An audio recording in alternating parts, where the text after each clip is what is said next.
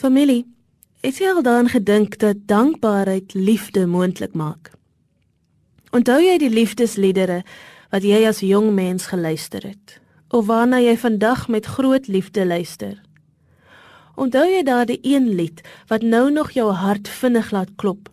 Wat jou herinner aan die dae toe jy nie kon wag om daardie een ouetjie of meisie raak te loop? Net sodat hy of sy vir jou kan glimlag of oogknip of selfs gesels. 'n tyd toe die hart binne in die keel loop sit elke keer as daardie een verbyloop. En jy bloos sommer van voor af vir al die skoenlappers wat in jou maag rondfladder. 'n tyd toe jy net by die beminde geliefde wou wees en verbode waarhede in sy of haar oor wou fluister.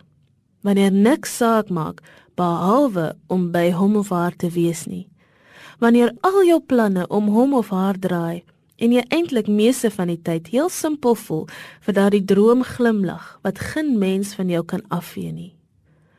Wanneer daardie lied vandag nog oor die radio of plaat of CD van voor af jou hartsnare kom roer, dan voel dit asof jy weer daar is, blosend, stralend, verlief. So voel dit om 'n Christen te wees en ons word keer op keer daaraan herinner.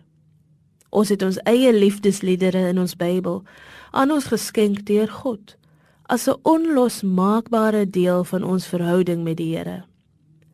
Een liefdeslied vanuit Hooglied 2 verse 10 tot 13 lui as volg: My beminde begin toe en sê vir my: Staan op, my vriendin, my skone, kom dan tog want kyk, die winter is verby, die reentyd is oor, dit het verby gegaan.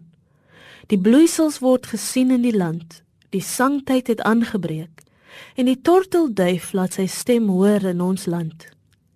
Die vye boom laat sy voorvye uitswel en die wingerdstokke wat bloei versprei geur. Staan op, my vriendin, my skone, kom dan tog.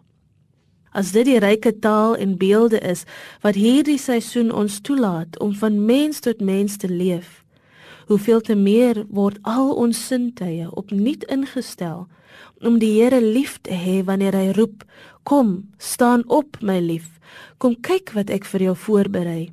Kyk die skone natuur, ryk dit, sien dit, hoor, proe en voel dit." Juig daaroor, rol daarin, deel dit met elkeen op die pad. En in dit alles, wees elke oomblik van elke dag meer en meer verlief op my. Dan sal ons nie die natuur kan misbruik nie, want ons is verlief op die een aan wie dit behoort. Dan sal ons mekaar nie kan misbruik of mishandel nie, want ons is verlief op die Skepper van alle lewe. Dankbaarheid vir wat ons het, bring in elke detail die belofte vir 'n nuwe kans om reg te leef. Soos verliefdes wat so oorborrel van die lekkerte van die lewe dat niks daardie droom glimlag, daardie loyale toewyding, daardie lewenslus ooit kan blus nie. Laat jou lewe dus in elke deel daarvan 'n liefdeslied vir die beeldskone Here wees.